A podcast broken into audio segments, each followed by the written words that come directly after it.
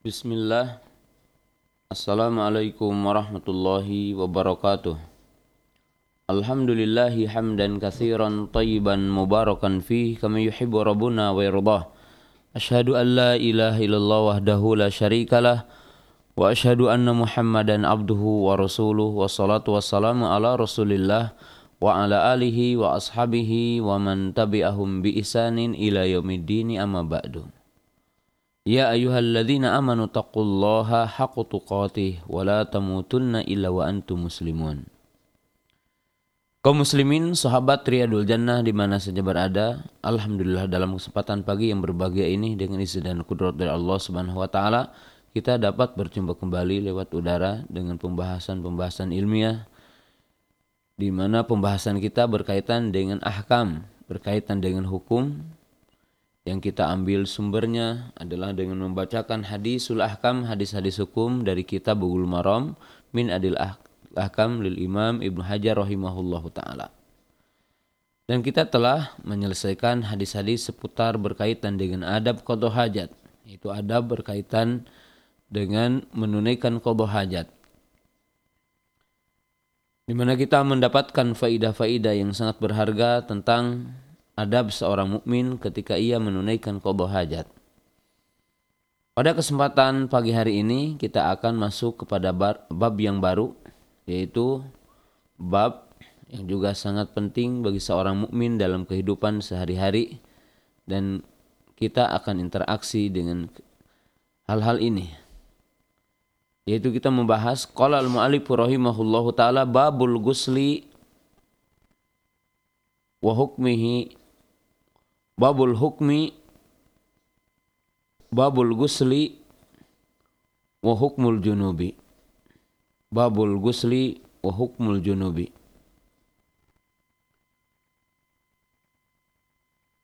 Bab ini adalah bab yang sangat mulia bab yang sangat dibutuhkan oleh setiap mukmin. Pembahasan di dalamnya. Karena kita tidak lepas dalam kehidupan sehari-hari dengan bab ini. Babul gusli wa hukmul junubi. Bab tentang mandi dan hukum orang yang sedang junub. Babul gusli di sini mencakup dua poin, yaitu mujibatul gusli wa kaifiyati gusli wa wajibatil gusli. Kalimat ini mencakup dua poin, nanti bahasannya adalah babul gusli mencakup dua hal penting. Yang pertama tentang mujibatul gusli. Yaitu tentang hal-hal yang mewajibkan orang itu wajib mandi. Jadi hal-hal yang menjadikan orang itu wajib mandi. Jadi apa saja seseorang mukmin dengan sebabnya dia wajib mandi. Ini yang dinamakan mujibatul gusli. Dan ini tentunya sangat penting sekali karena seorang mukmin harus tahu dengan sebab apakah dia wajib mandi. Dan ini adalah sangat penting. Karena kita tahu bahwa toharoh adalah syarat sahnya sholat. Maka manakala orang itu punya hadas ya dan ini adalah hadas besar yang mewajibkan dia harus mandi. Sehingga sholatnya itu sah. Maka tentunya harus tahu kapan kita wajib mandi. Sebab kalau wudhu saja tidak sah sholat kita ya. Karena hadas besar tidak akan hilang kecuali dengan mandi atau ketika tidak mampu untuk mandi atau tidak ada air maka untuk bisa sholat adalah dengan tayamum dan itu akan datang nanti. Sedangkan bahasan yang kedua dari judul ini yaitu yang dinamakan dengan wajibatul gusli. Kalau tadi mujibah, kalau ini wajibat. Itu berkaitan dengan kaifiyah gusl. Yaitu menjelaskan tentang yang wajib dalam mandi. Artinya apa saja yang wajib dicuci dan bagaimana sifat mandi janabah. Sifat mandi yang disunahkan oleh Nabi SAW yang dicontohkan oleh Nabi Shallallahu Alaihi Wasallam. Maka ini tentunya adalah sangat penting untuk kita paham. Adapun kalimat yang setelahnya wa hukmul junubi dan hukum orang yang sedang junub.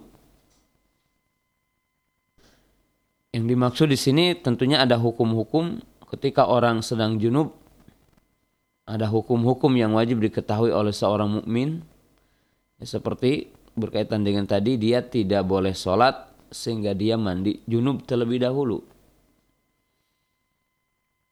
Demikian juga para ulama membahas apa hukum orang junub diam di masjid. Ya, apa hukum junub? Apa or, apa hukum orang junub diam di masjid? Apa hukum orang junub membaca Al-Qur'an? Ya. Bahkan apabila orang setelah junub akan tidur, apa yang disunahkan baginya? Seperti nanti disunahkan kalau tidak mandi terlebih dahulu, maka dia berwudu terlebih dahulu. Maka ini adalah termasuk hukum orang junub. Ya, hukum orang orang junub yang harus diketahui oleh seorang mukmin. Jadi bab ini juga sangat penting untuk diketahui oleh kaum muslimin karena berkaitan dengan ibadah yang sangat agung salah satunya adalah salat. Qala Babul gusli. Al-guslu bidhamil gin ini masdarun ismun masdaril iktisal bimakna fi'l. Yani di sini adalah perbuatan. Wa istilahan istimalul ma'i fi jami'il badani ala wajil makhsusin bisababin makhsusin. Wa huwa sabitun bil kitabi was sunnati wal ijma'. Mandi adalah ya, menggunakan air untuk seluruh badan dengan sifat yang khusus dan sebab-sebab yang khusus. Maka itu yang dinamakan dengan al-guslu ya terjemahan Indonesia tentunya adalah mandi. Tetapi al-guslu yang dimaksud di sini adalah mandi yaitu menggunakan air untuk seluruh badan. Dengan sifat yang tertentu, kefiah tertentu, dan sebab-sebab tertentu. Artinya sebab mandi ini ada sebabnya yang telah ditetapkan oleh syariat. Dan disyariatkan mandi dengan identik kita mengatakan mandi janabah telah ditunjukkan oleh dalil Quran, oleh dalil sunnah, kemudian ijma.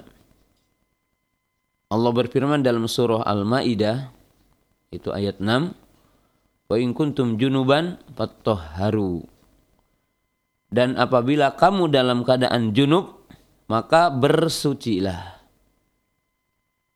Dan akan datang hadis yaitu hadis Abu Hurairah nanti. Dan hadis-hadis yang lainnya hadis Abi Sa'id hadis yang pertama. Idza jalasa baina syu'abiha alal bar'a al arba thumma jahadaha faqad wajibal ghuslu. Apabila seseorang duduk pada anggota badannya yang empat. Jadi maksudnya di sini apabila seorang suami ya di sini meletakkan anggota badannya pada anggota badan istrinya yang empat, ya, kemudian dia bersungguh-sungguh, maka telah wajib mandi kepadanya. Jadi telah wajib mandi kepadanya. Maka hadis ini menunjukkan bahwa wajibnya mandi janabah. Dan telah ijma para ulama tentang wajibnya mandi bagi orang yang junub. Ya, orang yang junub adalah wajib mandi. Dan ini adalah hukum-hukum yang wajib diketahui oleh kaum muslimin. Kaum muslimin jamaah yang dirahmati Allah Subhanahu wa taala. Lalu kita akan membacakan hadis qala al-mu'allif rahimahullahu taala an Abi Sa'idin al-Khudri radhiyallahu taala anhu qala qala Rasulullah sallallahu alaihi wasallam al-ma'u minal ma'i Rohu Muslim wa asluhu bil Bukhari. Hadis yang pertama yaitu hadis Abu Sa'id Al-Khudri semoga Allah taala meridhoi kepadanya. Rasulullah Shallallahu alaihi wasallam bersabda, "Al-ma'u minal ma'i." Al-ma'u minal ma'i.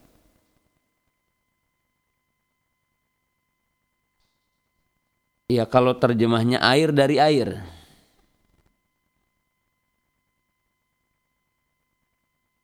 Maka yang dimaksud di sini apa? Al-ma'u ini istimalul ma. Maka yang dimaksud hanyalah mandi itu minal ma'i. Karena dia apa? Keluar air. Jadi al-ma'u minal ma'i. Hanyalah mandi Artinya hanyalah wajibnya orang meng, apa, menggunakan air yaitu mandi minal ma'i karena ia keluar air mani. Karena dia keluar air air mani. Itu apa e, maksud dari kalimat ini yang sangat e, singkat sekali. Ya, al ma'u minal ma'i. Maka di sini alma yang pertama adalah ma'ul istigsal, itu air mandi. Minal ma'i, air minal mani, an-nazil. Yang dimaksud di sini adalah dengan sebab keluar air, air mani. Dengan sebab keluar air mani. Itu yang dimaksud dalam kalimat ini. Rawahu Muslim, hadis ini diriwayatkan oleh Imam Muslim. Di hadis ini diriwayatkan oleh Imam Muslim.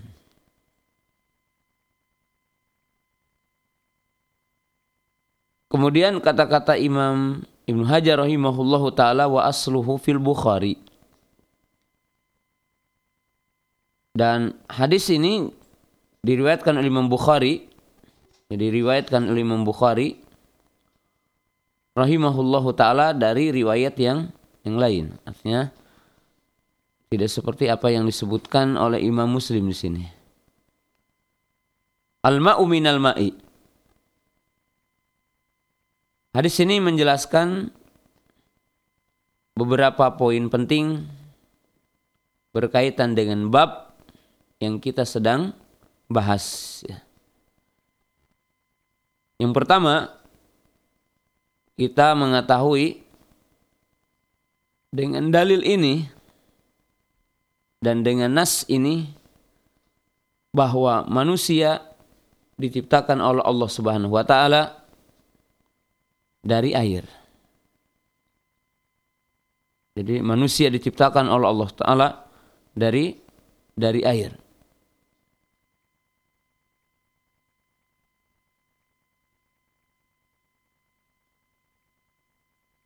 Sebagaimana dijelaskan dalam satu ayat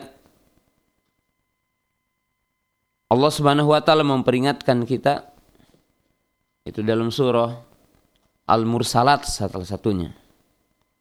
Alam nakhluqukum mimma in mahin Tidaklah aku menciptakan kalian dari air yang hina.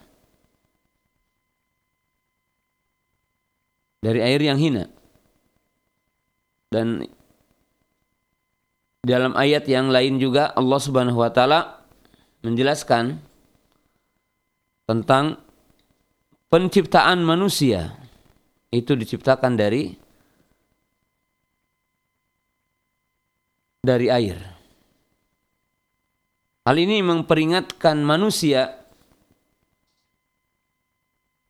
agar manusia juga tidak sombong ya. Karena diciptakan dari perkara yang dianggap hina. Sebagaimana juga dijelaskan dalam surah At-Tariq khuliqu min ma'in. Diciptakan dari air yang air mani yang keluar dengan cepat. Dan dalam ayat yang lain Allah Subhanahu wa taala menjelaskan bahwa manusia diciptakan dari tanah.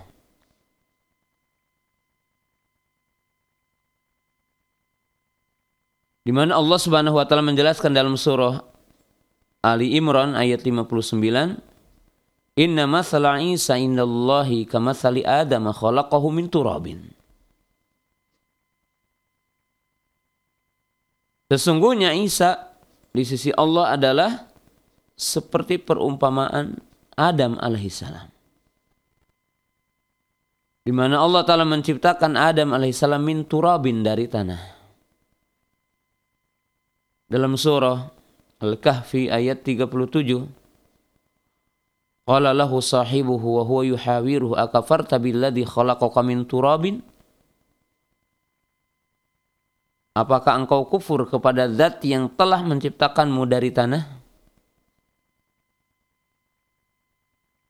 Dan dalam surah yang ke-22 itu surah Al-Hajj Ya ayuhan nas in kuntum fi raibim minal ba'si fa inna khalaqnakum min turabin Wahai manusia, jika seandainya kamu ragu tentang hari kebangkitan, maka sesungguhnya kami menciptakan kamu dari tanah. Jadi Allah Subhanahu wa taala Maha mampu menciptakan awal penciptaan manusia dari tanah. Maka sudah barang tentu Allah taala Maha mampu untuk membangkitkan kembali orang yang telah mati dan menciptakan kembali orang yang telah mati.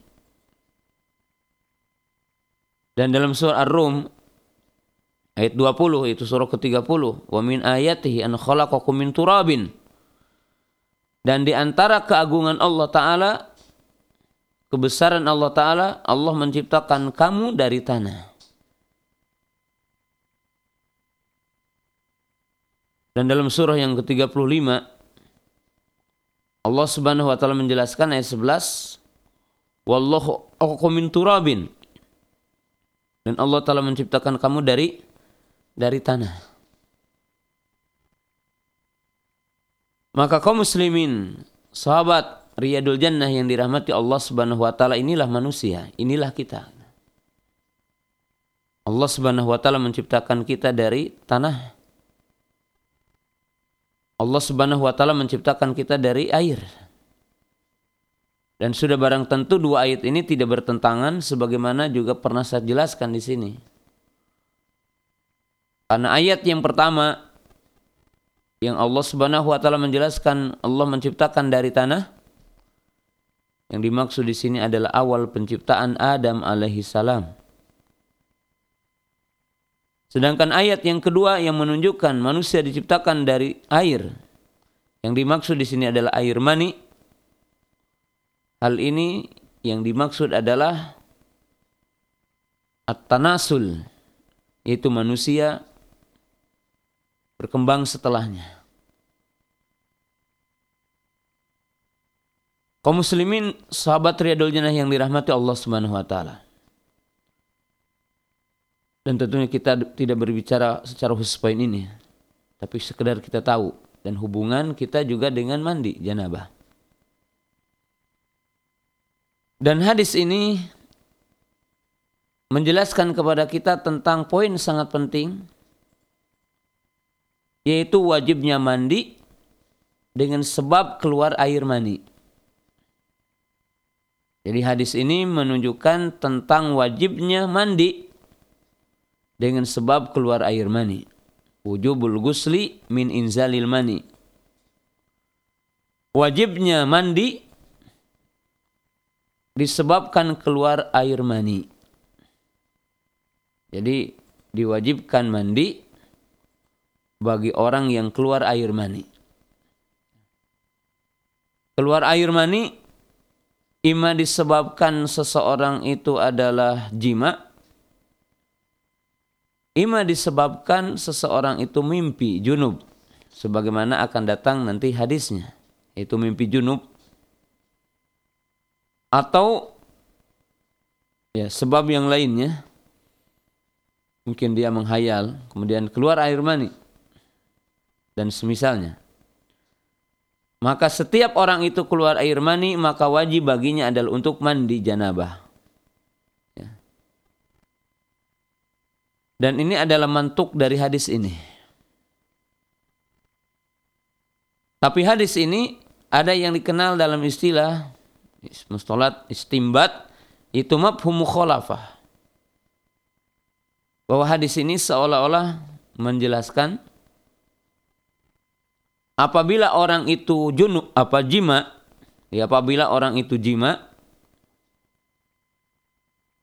kemudian dia tidak keluar air mani maka tidak wajib mandi.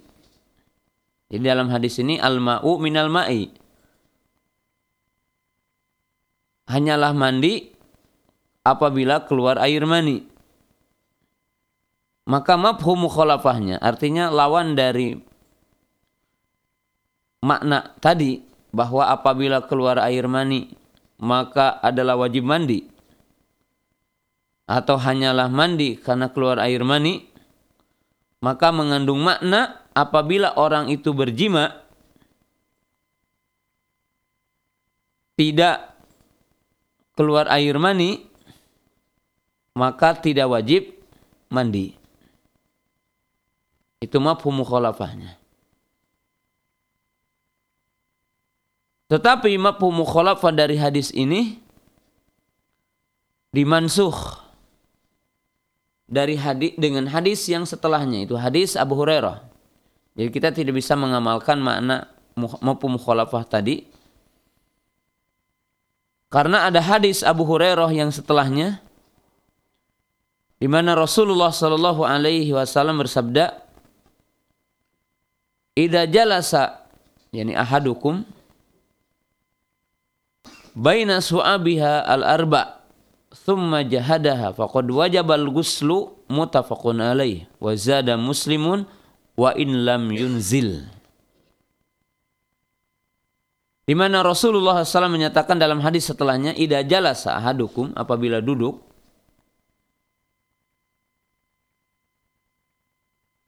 ala syu'abih al arba. Jadi apabila seorang laki-laki, seorang suami duduk pada anggota badan yang empat dari istrinya, ini kinayah anil jiba. Kinayah anil anil jima, yaitu kinayah dari jima. Karena yang dimaksud al-alba yaitu dikatakan yad ma'al yad warijal ma'arijal. Yang dimaksud di sini adalah tangan dengan tangan, kemudian paha dengan paha. Dan yang dimaksud di sini adalah jima. Ya. Thumma jahadaha. Kemudian dia berjihad, artinya bersungguh-sungguh dalam berjima. Dan dalam riwayat yang lain Nabi SAW mengatakan idal taqo khitanani. Dalam riwayat yang lain dikatakan wa alzaqal khitana al khitana. Dalam riwayat yang lain dengan redaksi thumma massal khitan khitan. Dalam riwayat yang lain dikatakan idal taqo khitanani apabila bertemu dua yang dikhitan apabila meletakkan yang dihitan kepada yang dihitan. Dan di sini menunjukkan bahwa wanita disyariatkan dihitan. Karena Rasulullah SAW telah mengatakan idal taqo khitanani. Apabila ketemu dua yang dihitan. Apabila meletakkan yang dihitan kepada yang dihitan. Apabila menyentuh yang dihitan kepada yang dihitan Thumma jahadaha. Kemudian dia bersungguh-sungguh. Ya. Bersungguh-sungguh apa? Bersungguh-sungguh jimanya. Yaitu memasukkannya maksudnya. Faqad wajabal guslu maka telah wajib baginya mandi. Jadi telah wajib baginya adalah mandi. Ini adalah hadis yang kedua. Maka kaum muslimin sahabat Riyadul Jannah yang dirahmati Allah Subhanahu wa taala. Jadi hadis yang pertama tentunya kita mengetahui makna hadis al-ma'u minal ma'i. Artinya adalah mandi janabah apabila keluar air mani. Itu makna hadisnya. Maka memiliki makna apabila orang itu berjima lalu tidak keluar air mani maka tidak wajib mandi. Ya. Karena Nabi SAW mengatakan apa? Al-ma'u minal ma'i. Tetapi pemahaman ini dimansuh, artinya makna ini dimansuh dengan hadis setelahnya, itu hadis Abu Hurairah. Dan ini dikatakan para ulama bahwa ini adalah awal Islam.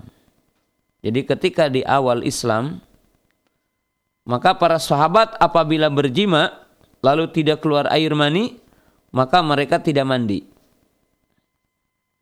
Sebagaimana dijelaskan ya tentang sejumlah para sahabat ridwanullah taala alaihim seperti diriwayatkan dari Utsman bin Affan, Ubay ibnu Ka'ab disebutkan dalam hadis yang sahih dalam Bukhari dan Muslim bahwa dikatakan seorang rawi yang bernama Zaid ibnu Khalid al-Juhani beliau bertanya kepada Utsman annahu sa'ala Utsman ibnu Affan? Waqala Ara'aita idza jama'a ar-rajulu imra'atahu wa lam yumni. Qala Utsman kana yatawadda kama yatawadda lis-salati wa yaghsilu dzakarahu. Qala Utsman sami'tu min Rasulillah sallallahu alaihi wasallam fa sa'altu an dzalika. Ali Ali ibnu Ubay uh, apwan. Fa sa'altu an dzalika. Ali ibnu Abi Thalib radhiyallahu taala anhu wa Zubair ibn Awam wa Talha ibn Ubaidillah wa Ubay ibn Ka'ab fa amarahu bidzalik Ini dikisahkan bahwa dia bertanya kepada Utsman ibnu Affan radhiyallahu taala anhu. Ya. Itu tentang orang yang menjima istrinya dan dia tidak keluar air mani. Maka Utsman ibnu Affan mengatakan dia berwudu sebagaimana wudunya untuk sholat dia mencuci dakarnya tapi tidak mandi.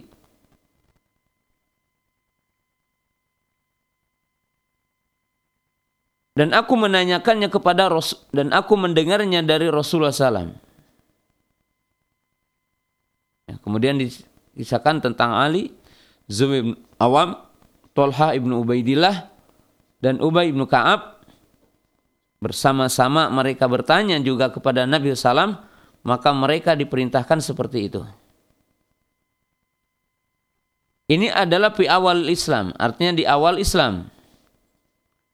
Jadi di awal Islam diberikan rukhsah bagi orang yang menjima istrinya dan tidak keluar air mani, maka tidak mandi. Dan Ubay ibnu Ka'ab mengatakan, Innama ju'ila dzalika rukhsah fi awalil Islam di mana dikatakan itu adalah rukhsah pada awal Islam saja.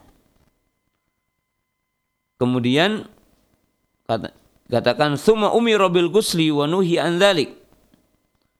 Kemudian diperintahkan itu untuk mandi dan dilarang seperti itu. Jadi dilarang hanya berwudu saja, tetapi diperintahkan untuk untuk mandi. Maka sepakat para ulama bahwa makna mafhum mukhalafah dari hadis ini mansuh yaitu termansuh dengan hadis Abu Hurairah yang kita akan jelaskan sekarang. Wah hadis Abu Hurairah itu mengatakan apabila orang itu berjima ya dan tidak keluar air mani maka tetap wajib mandi. Jadi tetap wajib mandi. Tetapi hadis Abu Sa'id Al-Khudri tadi tetap diamalkan. Karena yang dimansuh hanya mafhum mukhalafahnya. Tidak dimansuh mantuknya. Karena mantuknya diamalkan bahwa orang yang keluar air mani walaupun bukan karena jima maka dia tetap wajib mandi. Seperti karena orang itu ihtilam. Karena orang itu adalah mimpi. Sebagaimana akan bahas nanti hadisnya. Jadi apabila orang itu mimpi dan keluar air mani, maka wajib baginya adalah mandi. Dan hadis ini menunjukkan apabila orang itu keluar air mani, maka wajib baginya adalah mandi. Adapun hadis Abu Hurairah yang tadi sudah dibacakan yaitu apabila seseorang duduk pada anggota badan yang empat yaitu yang dimaksud di sini adalah kinayatul anil jima sebuah gambaran itu adalah jima dan Rasulullah Shallallahu Alaihi Wasallam ketika berbicara yang berkaitan dengan perkara yang rahasia, ya maka Rasulullah Shallallahu Alaihi Wasallam menggunakan kalimat yang sangat ya menjaga ya kehormatan dan juga tidak membangkitkan syahwat ya dan ini tentunya adab di antara adab yang sangat mulia yang diajarkan oleh Rasulullah sallallahu alaihi wasallam. Thumma jahadaha. Kemudian dia berjihad. Kemudian dia ber, berjihad. Artinya berjihad dalam uh, berjimanya. Dan hadis ini menunjukkan bahwa ketika orang itu berjima lalu tidak keluar air mani, maka tetap dia wajib mandi. Jadi maka tetap dia wajib mandi. Dan dalam riwayat yang lain, Nabi Hasalam menjelaskan dengan kalimat seperti tadi, wa al zako al khitana bil khitani. Dan riwayat yang lain apa? Wa yamussu al khitan bil khitan. Riwayat ini memberikan satu penjelasan bahwa para wanita muslimah itu dikhitan.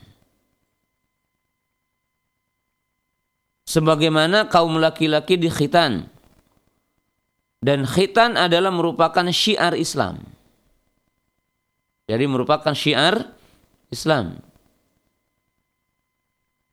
Jadi laki-laki dikhitan dan wanita adalah dikhitan.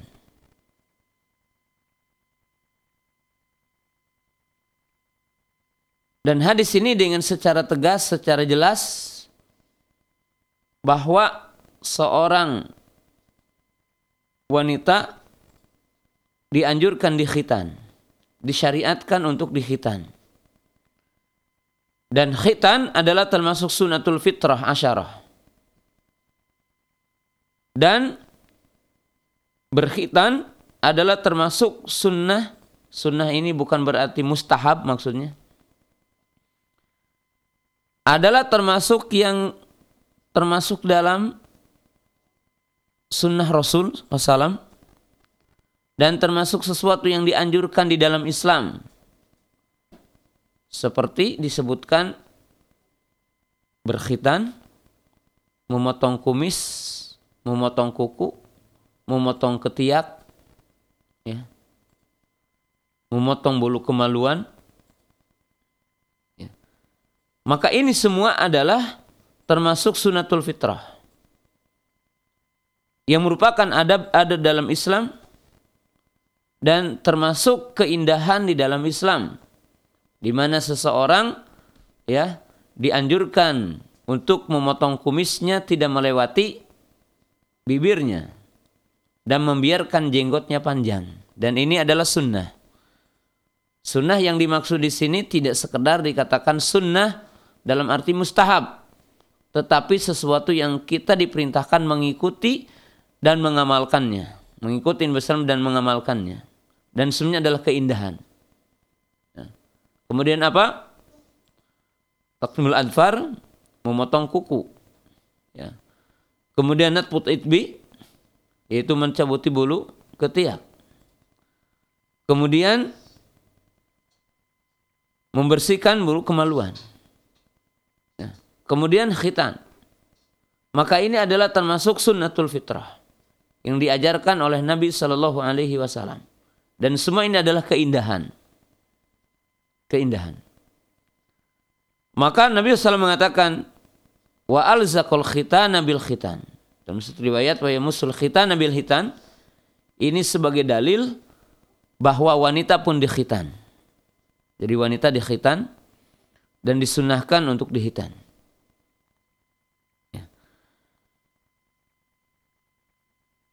Jadi hadis ini adalah menunjukkan tentang wajibnya mandi bagi orang yang berjima dan ini ijma para ulama. Walaupun tidak keluar air mani. Jadi walaupun tidak keluar air mani, maka dia wajib mandi. Dan hadis Abu Sa'id yang tadi dimansuh mafhum mukhalafahnya. Jadi dimansum maupun mukhalafahnya. Yang tadinya dikatakan mandi karena keluar air mani. Seolah-olah mengatakan kalau tidak keluar air mani orang yang jima tidak tidak wajib mandi, tetapi dimansuh dengan hadis ini. Jadi kaum muslimin jamaah yang dirahmati Allah berarti di sini kita tahu wajibnya mandi janabah ada dua. Yang pertama kalau keluar air mani. Yang kedua kalau seseorang itu berjima. Dan ini ijma wajib untuk mandi. Qala al-mu'allifu rahimahullahu taala an Ummi Salamata radhiyallahu taala anha anna Umma Sulaim wa hiya imra'atun Abi Talhata radhiyallahu taala anhuma. Qalat Ya Rasulullah innallaha la yastahi minal haqqi fahal alal mar'ati al-ghuslu idah talamat? Qala na'am idza ra'atil ma. Mutafaqun alaih Wa an Anas bin Malik radhiyallahu taala anhu qala qala Rasulullah sallallahu fil mar'ati tara fi manamiha ma yara ar-rajulu faqala tagtasilu mutafaqun alaih Wa zada muslimun faqalat Ummu Sulaim wa hal yakunu hadha qala na'am famin aina yakunu syabahu. Dari Ummu Salamah semoga Allah taala meridhoi kepadanya. Ummu Salamah adalah salah seorang istri Rasulullah Shallallahu alaihi wasallam yang dulunya adalah bekas istri Abu Salamah. Dia mengatakan bahwa Ummu Sulaim istrinya Abu Tolhah Beliau datang kepada Nabi Shallallahu Alaihi Wasallam. Jadi beliau datang bertanya kepada Nabi Shallallahu Alaihi Wasallam. Wahai Rasulullah, sesungguhnya Allah tidak tahu dari kebenaran. Itu menyampaikan hak.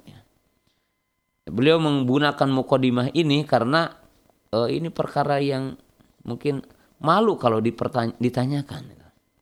Malu kalau ditanyakan. Fala fahal alal mar'atil guslu idah talamat. Apakah bagi wanita juga wajib mandi apabila dia mimpi? Maka Nabi SAW mengatakan, iya apabila ia melihat air. Jadi iya kalau orang itu mimpi junub, maka wajib mandi apabila keluar air mani. Menunjukkan kalau mimpi tapi tidak melihat air mani, maka tidak wajib mandi. Karena wajibnya mandi adalah keluar air maninya, bukan sekedar mimpinya. Karena apabila orang itu mimpi, lalu tidak melihat apa-apa setelah itu, maka tidak wajib mandi. Naam idza ra'atil ma'iyah apabila dia melihat air. Dan dalam hadis Anas bin Malik itu dalam riwayat yang kedua hadis Anas bin Malik radhiyallahu taala anhu bahwa menceritakan bahwa beliau Ummu Salamah itu bertanya kepada Nabi SAW tentang wanita yang mimpi dalam tidurnya seperti mimpinya seorang laki-laki yang lain. Artinya di mimpi mimpi jima.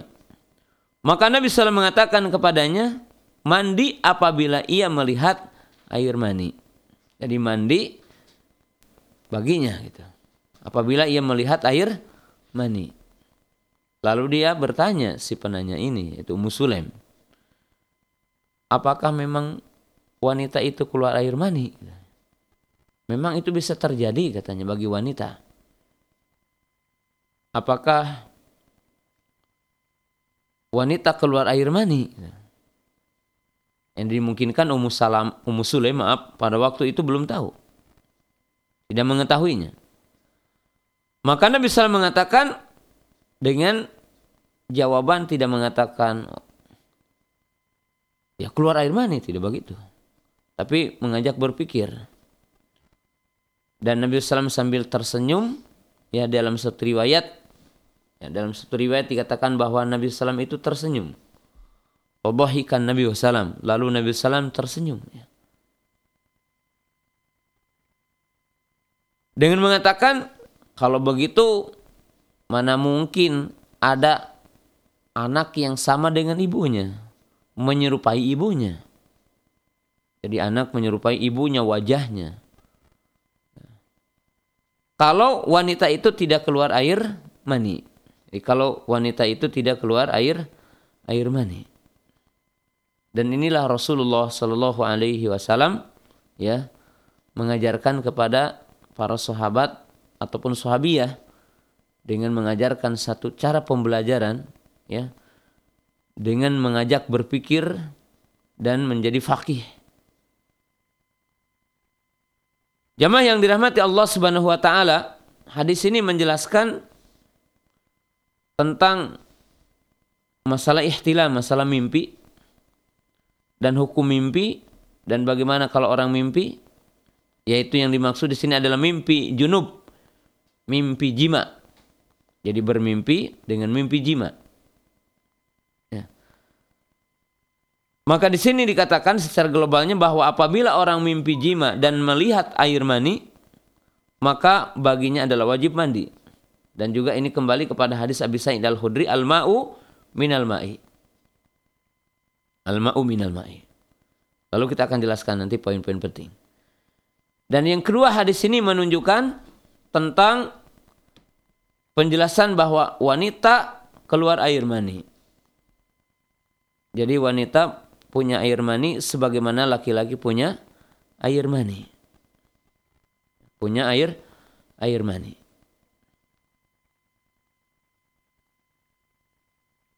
Kemudian hadis ini menjelaskan tentang keutamaan bertanya. Jadi keutamaan bertanya. Dan anjuran bertanya tentang apa-apa yang kita tidak tahu tentang din. Dan ini adalah satu kemuliaan bagi setiap mukmin. Dan Aisyah radhiyallahu taala anha telah mengatakan pujiannya bahwa beliau mengatakan nikman nisa'u nisa'ul ansar. Lam yakun yamna'hunnal haya'u ayatafaqahna fi dinillah. Sebaik-baik wanita adalah wanita ansor. Ya, ini lihat para umahat, para ibu yang dirahmati Allah taala.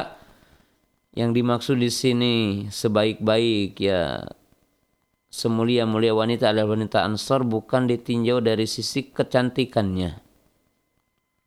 Bukan ditinjau dari semata-mata nasabnya. Tetapi apa katanya? Karena rasa malu tidak menghalangi mereka untuk tafakuh fiddin. Karena rasa malu ada dua, rasa malu yang terpuji itu rasa malu yang memotivasi orang taat kepada perintah Allah dan menjauhi larangan Allah taala. Malu kepada Allah. Sedangkan yang kedua adalah rasa malu yang menghalangi orang untuk mengetahui kebenaran, mempelajari kebenaran, maka ini rasa malu yang terlarang. Ya. Rasa malu yang terlarang. Karena tentunya syaitan laknatullah akan membisikkan dengan rasa malu ini kepada manusia untuk tidak belajar agama salah satunya. Terutama mungkin sekarang rasa malu bagi anak muda kalau mereka berada di masjid. Rasa malu bagi anak muda kalau mereka itu ya ikut kajian. Maka dikatakan tidak masuk zaman ataupun tidak tidak re, re, apa tidak bukan apa bukan masanya lagi seperti itu ya. Tidak ikut pergaulan tidak ini tidak itu ya. Dan sebaliknya rasa malu terkadang juga menimpa kepada orang tua. Di mana mungkin ketika banyak taklim yang di situ anak muda ah aku yang udah tua masa udah tua masih mencari ilmu dan sebagainya. Maka ini adalah bisikan syaitan laknatullah. Maka Aisyah radhiyallahu taala mengatakan bahwa sebaik-baik wanita adalah wanita Ansar. Mereka tidak terhalangi dengan rasa malu untuk bertanya. Ketika mereka tidak tahu, maka mereka bertanya dan tidak menghalangi rasa malu mereka untuk bertanya. Sampai di sini Ummu Sulaim radhiyallahu taala anha bertanya kepada Nabi sallallahu alaihi wasallam dengan menggunakan mukadimah. Sesungguhnya Allah taala tidak malu untuk menyebutkan kebenaran. Sebagaimana disebutkan dalam surah Al-Baqarah, "Innallaha la yastahi minal haq."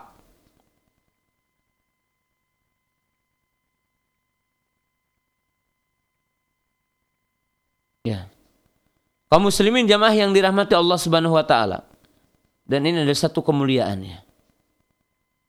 Satu keagungan bagi orang untuk bertanya. Dan bertanya tentunya adalah nisfu din, Nisfu minal ilmi. Bertanya adalah setengahnya ilmu. Dan telah diajarkan dalam toriko untuk belajar bertanya dan soal jawab. Hal itu sebagaimana Nabi SAW didatangi oleh Jibril alaihissalam ketika bertanya kepadanya empat perkara ya tentang iman Islam, iman, ihsan. Kemudian Nabi SAW ditanya tentang hari kiamat. Kemudian Nabi mengatakan yang bertanya tidak apa yang ditanya tidak lebih tahu daripada yang bertanya. Maka malaikat Jibril bertanya tentang ciri-ciri hari kiamat. Sehingga para sahabat tahu dengan soal jawab ini. Dan orang ketika taklim bertanya tidak lepas dari dua sisi. Ada bertanya yang tidak terpuji, ada yang bertanya yang terpuji. Bertanya yang tidak terpuji adalah seperti pertanyaan orang-orang Yahudi. Seperti pertanyaan ahlul kitab, mereka orang-orang Yahudi. Mimbabi ta'annud dengan bertanya untuk berlebih-lebihan ataupun untuk keluar dari apa yang telah ditetapkan dan kewajiban. Seperti orang-orang Yahudi, Bani Israel ketika bertanya kepada Nabi Musa alaihi salam ketika mereka diperintahkan untuk menyembelih sembelihan yaitu menyembelih sapi. Maka mereka bertanya sapinya sapi apa, betina atau jantan, apa warnanya, ya telah melahirkan atau tidak dan seterusnya. Maka mereka bertanya tentang sesuatu yang tidak perlu. Ya, ataupun pertanyaan yang ingin menjatuhkan orang yang ditanyanya. Ataupun pertanyaan yang tidak bermakna, maka dilarang dalam Islam. Adapun pertanyaan yang diperintahkan adalah pertanyaan dengan tujuan tafakuh. Pertanyaan dengan tujuan untuk mengetahui kebenaran. Maka ini boleh Ima bertanya tentang yang tahu karena dia melihat pada majelis itu banyak yang tidak tahu. Ataupun banyak orang yang menyelisih satu perkara ini. Lalu dia bertanya kepada seorang alim untuk mengajari yang lainnya. Dengan pertanyaan ini kepada seorang ulama. Atau bertanya untuk dirinya sendiri. Hakikatan maka semua ini adalah dianjurkan. Dan merupakan sunnah dalam belajar. Ya. Kaum muslimin jamaah yang dirahmati Allah Subhanahu wa taala. Kemudian hadis ini menjelaskan tentang orang yang mimpi. Orang yang yang mimpi. Nah, orang yang mimpi tentunya adalah tidak lepas dari dua. Imam mimpi lalu dia melihat air mani, maka wajib baginya adalah mandi.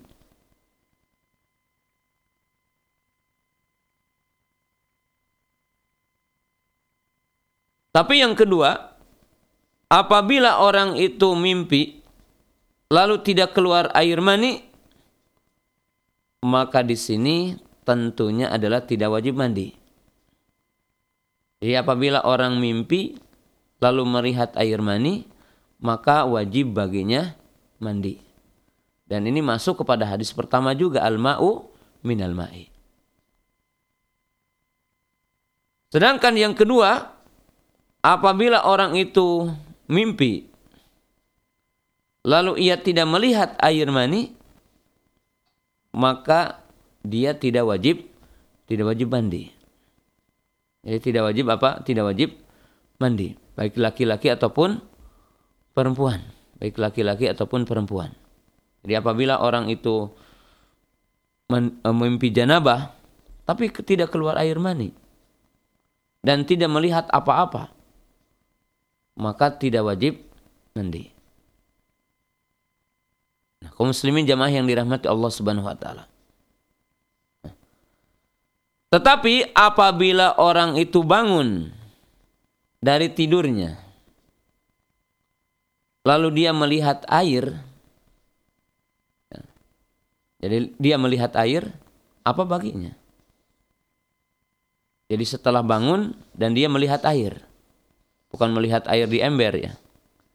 Yang dimaksud melihat air um, mungkin dia melihat pada kainnya ya, air.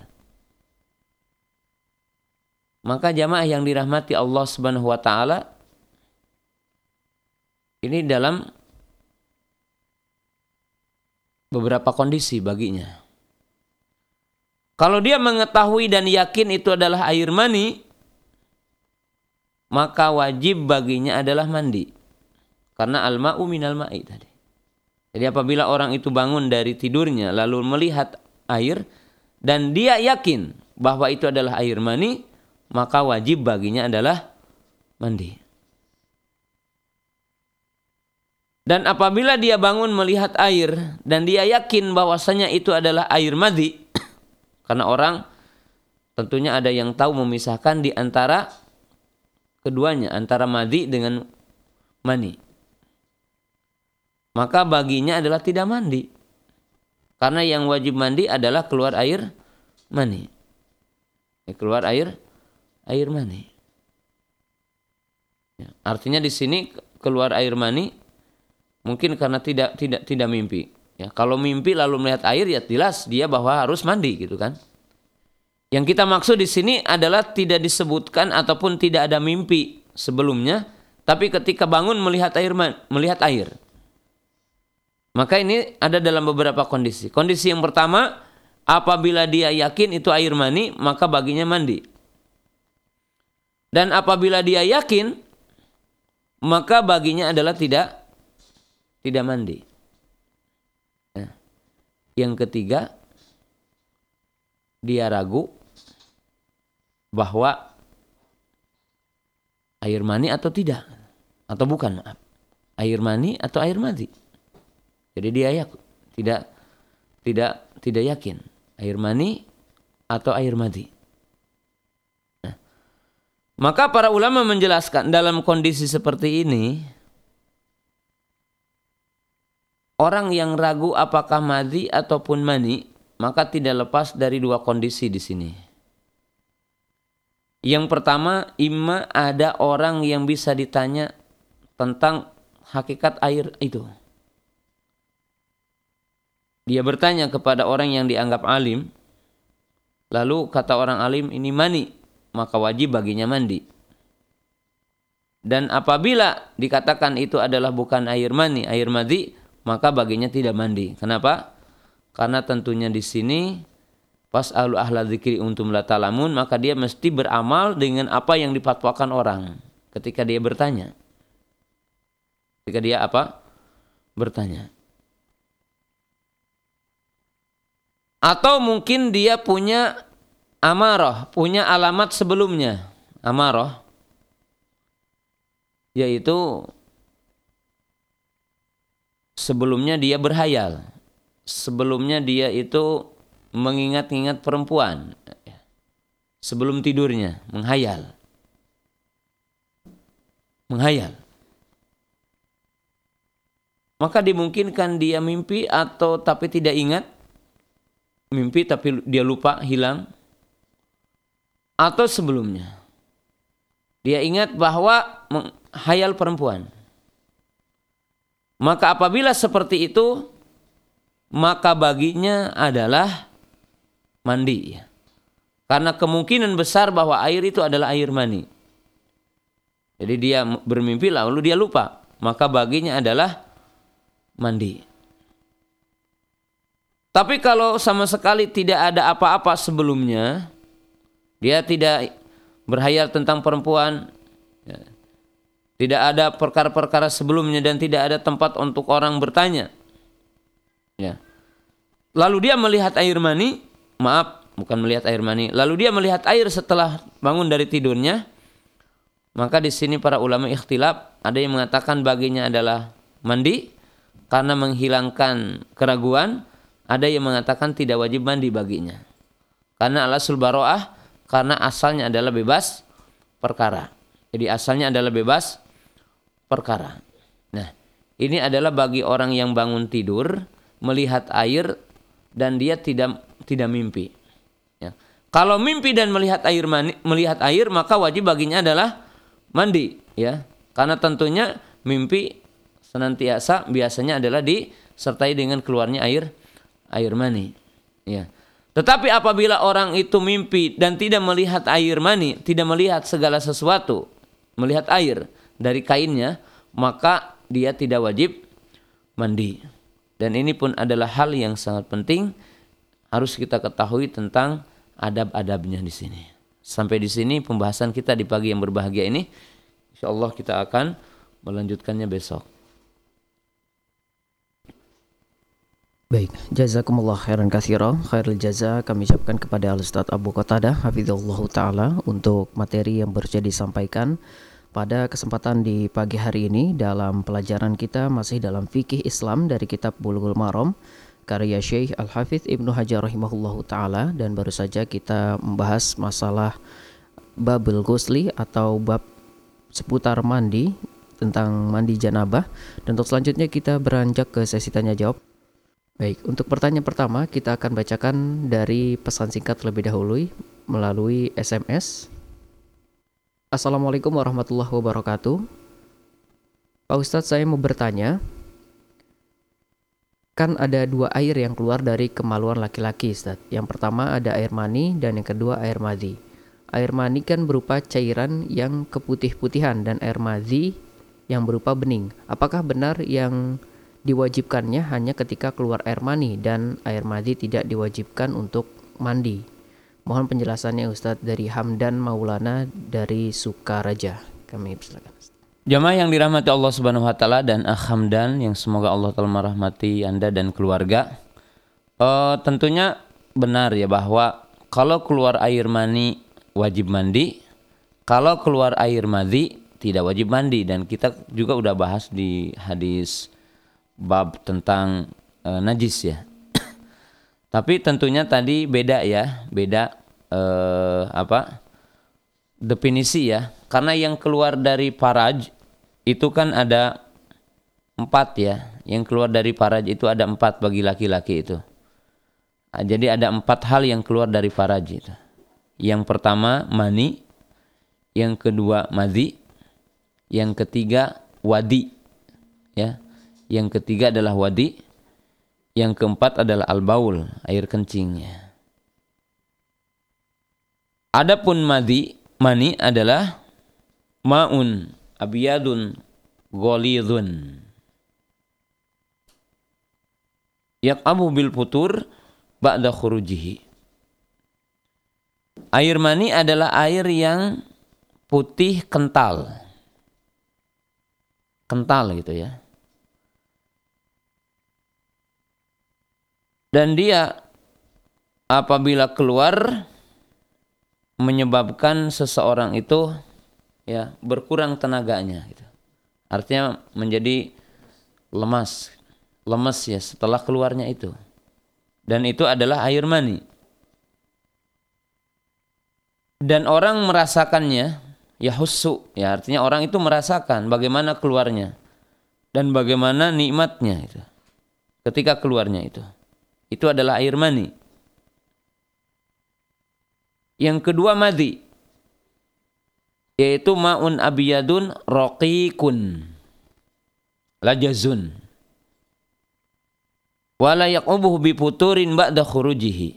Sedangkan air madhi adalah air yang putih tapi encer gitu. Air putih encer. Dan tidak diakhiri dengan lemes ya setelah keluarnya. Bahkan sebagian orang tidak merasakan keluarnya. Ini tidak tidak merasa apa-apa, tiba-tiba udah keluar air. Maka itu dinamakan dengan madhi. Adapun kencing jelas ya mungkin kencing setiap orang tahu nggak usah diberikan. Adapun wadi yaitu alma ukbal ukbal baul yaitu air yang keluar setelah kencing.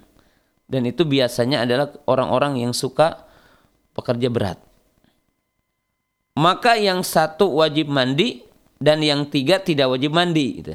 Jadi yang tiga membatalkan wudhu saja, mencuci dakarnya, kemudian setelah itu bagi orang yang ingin salat berwudhu. Adapun keluar air mani, maka wajib mandi dan setelah itu baru boleh sholat. Jadi wajib mandi dengan kaifiah yang kita akan bahas nanti, ya. Dan menghalangi sahnya sholat sama ya. Hanya saja ini wajib mandi, yang tadi tidak wajib mandi hanya berwudu saja. Itu maksudnya. Allah Taala alam. Baik, kembali kami ucapkan jazakumullah khairan katsira, khairul jaza kepada Ustaz untuk jawaban dari penanya kita yang pertama dari Hamdan Maulana di Sukaraja. Semoga menjadi kejelasan bagi penanya dan bagi para pendengar sekalian juga tadi sedikit koreksi dari pertanyaan yang telah disampaikan. Kemudian untuk pertanyaan kedua, kita kembali akan bacakan dari pesan singkat melalui SMS. Assalamualaikum warahmatullahi wabarakatuh.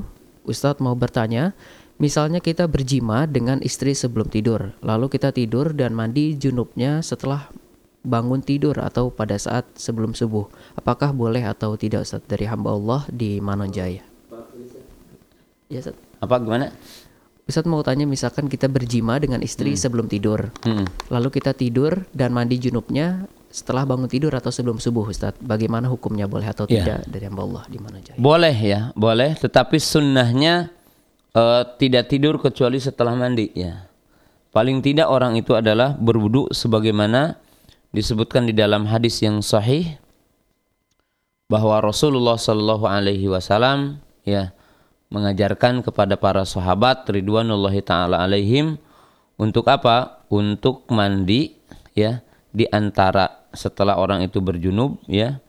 Kemudian ya dianjurkan juga bahwa untuk untuk apa? untuk wudhu ya jadi abdolnya kalau seseorang itu telah berjima maka tidak tidur kecuali mandi ya kecuali mandi tetapi kalau tidak mandi maka cukup baginya adalah untuk e, berwudhu saja. Jadi cukup baginya adalah untuk e, wudhu saja. Kalau tidak pun tidak mengapa ya boleh karena hukumnya hanyalah sunnah. Jadi hukumnya adalah hanyalah sunnah. Baik, jazakumullah khairan katsira. Kembali kami ucapkan kepada Al Ustaz untuk jawaban dari penanya kita yang kedua dari hamba Allah di Mananjaya. Semoga menjadi kejelasan bagi penanya dan tentunya bagi para pendengar sekalian. Kemudian pertanyaan ketiga kita akan angkat dari penelpon, telah tersambung satu penelpon. Assalamualaikum warahmatullahi wabarakatuh. Halo, Assalamualaikum warahmatullahi wabarakatuh. Ya, sudah masuk namun tidak ada suara Ustaz. Ya. Hmm, kita tunggu. Kita akan kembali bacakan dari pesan singkat terlebih dahulu. Assalamualaikum warahmatullahi wabarakatuh. Ustadz, saya pernah keluar mani karena kecapean, Ustadz. Ya, Bu. Hmm, terus. Sebentar.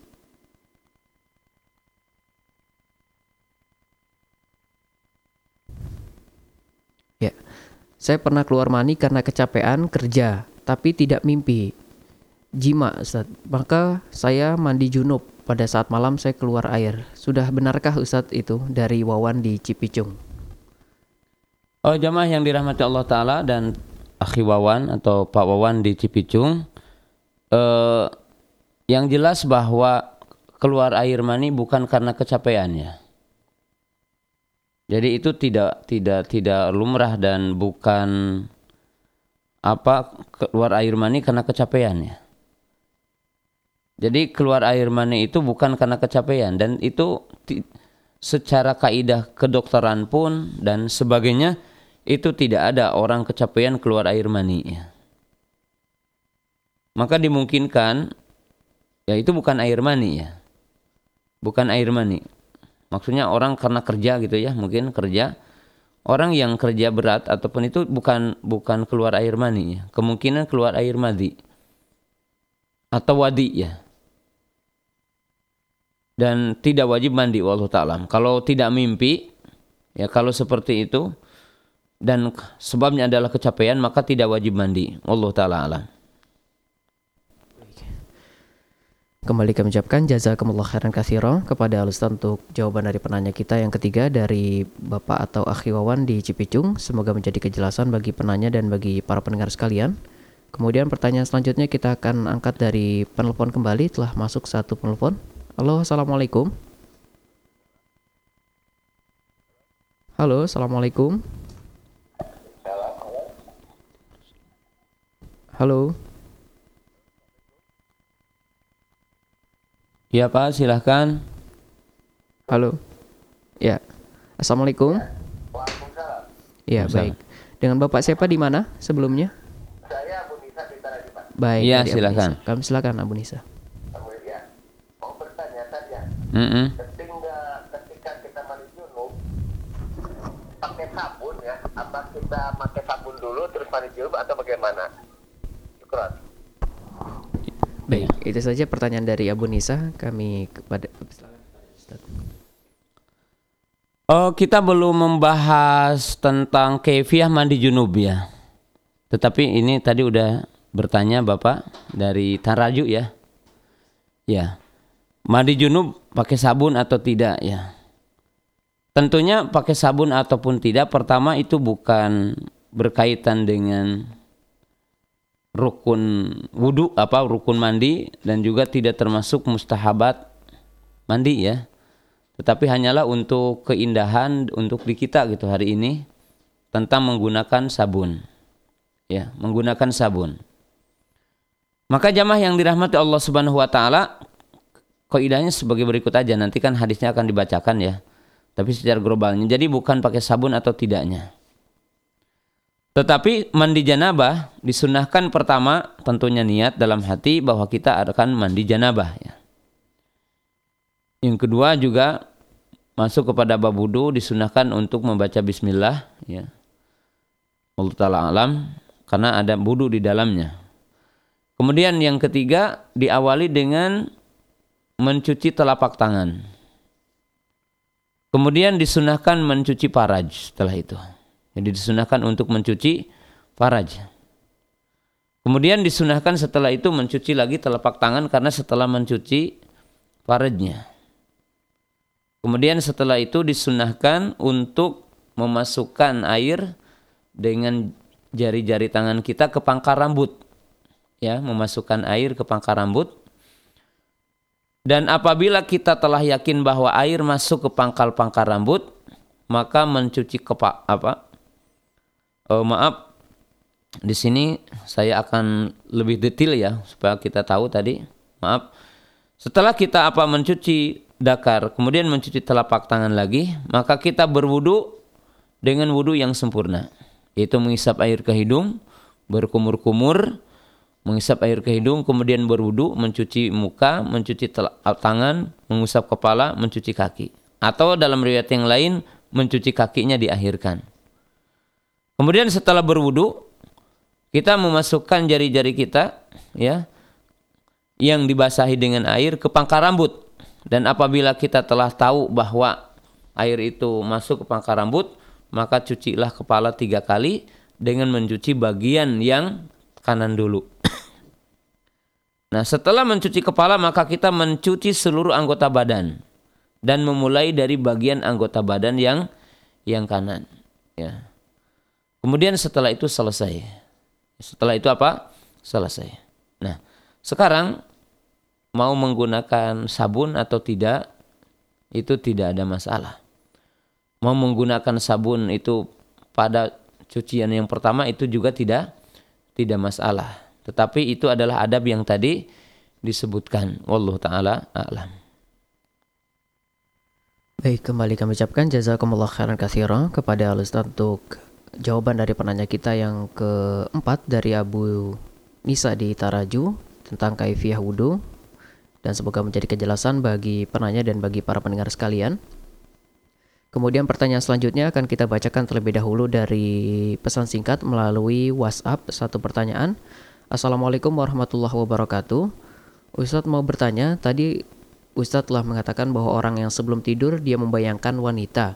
Sebenarnya apakah boleh bagi laki-laki membayangkan wanita Ustadz? Jazakumullah khairan Ya, kalau boleh dan tidaknya itu hukumnya lainnya.